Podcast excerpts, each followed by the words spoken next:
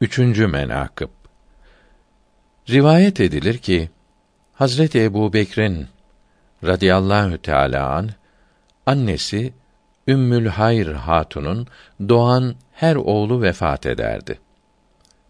Ebu Bekr Hazretlerini doğurdu. Kucağına alıp Beyt-i Şerif'e getirdi. Orada dedi ki: Ey Beyt-i Haram'ın Rabbi! Ey makamı mültezemin sahibi! Senden rica ederim ki yeni doğmuş bu çocuğu bana bağışlayasın. Mamur edesin. Birdenbire makamdan Beyt-i Şerif'ten bir beyaz el çıkıp Ebu Bekir'in eline yapıştı.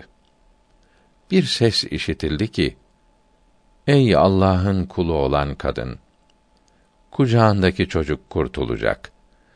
Allahü Teala'nın Resulünün dostu olacak.